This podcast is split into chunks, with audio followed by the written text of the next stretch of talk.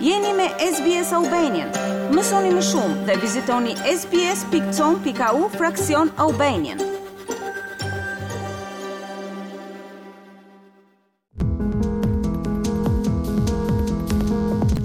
Një në tetë nga speciet e shpendëve në botë kërcënohet me zhdukje dhe shumë të tjerë janë në rënie, sipas një raporti të ri të lëshuar nga BirdLife International.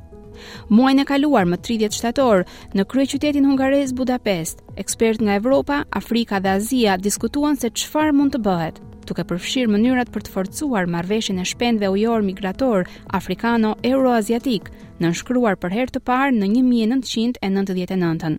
Të ndjekim raportin.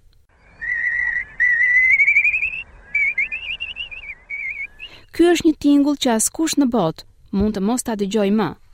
Është zëri i kojlikut të vogël, regjistruar nga Adam Gretton në parkun kombëtar Merja Zerga në Marok në 1990-ën. Ky zog tashmë besohet se është pothuajse i zhdukur. Kënga e tij është lehtësisht e dallueshme nga kënga e kojlikut të madh ose e kojlikut euroaziatik të regjistruar në Portugali këtë verë. Midis shpendëve ujorë shtegtarë, nën presion të veçantë janë zogjtë e ujërave të cekëta bregdetare ose liqenore, që varen nga këto ujëra për t'u ushqyer. Vlerësohet se tashmë kanë mbetur rreth 60.000 zogj të quajtur kojlikët euroaziatikë.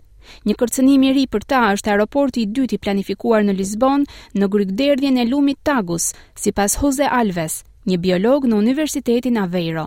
The Tagus Estuary is the largest wetland in Portugal and because of that it also holds the largest number of birds that's estimated to be about two hundred thousand water birds using the Tagus estuary every year. Grykëderdhja e Tagusit është ligatina më e madhe në Portugali dhe për shkak të kësaj aty gjendet numri më i madh i zogjve.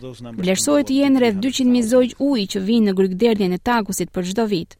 Dhe gjatë periudhave të migrimit, ato bashkohen dhe grumbullohen në grykëderdhjen e Tagusit për t'u ushqyer përpara udhëtimeve të tyre migratore, dhe kështu që shifrat mund të shkojnë deri dhe në treqind mijë shpendë. Ndërsa ky ishte tingulli i gjelëzës me bisht të zi, një tjetër vizitore e rregullt në Portugali, Aeroporti i Lisbonës ka marrë tashmë lejen e planifikimit, por ndërtimi i tij është lënë pezull nga çështjet gjyqësore të nisura prej kundërshtarëve të projektit, duke përfshirë biologun Jose Alves. Në parashtrimet e tyre në gjykatë, ata janë ndihmuar nga përparimet teknologjike, të cilat i kanë mundësuar t'u vendosin zogjve pajisje monitorimi që peshojnë më pak se dy gram.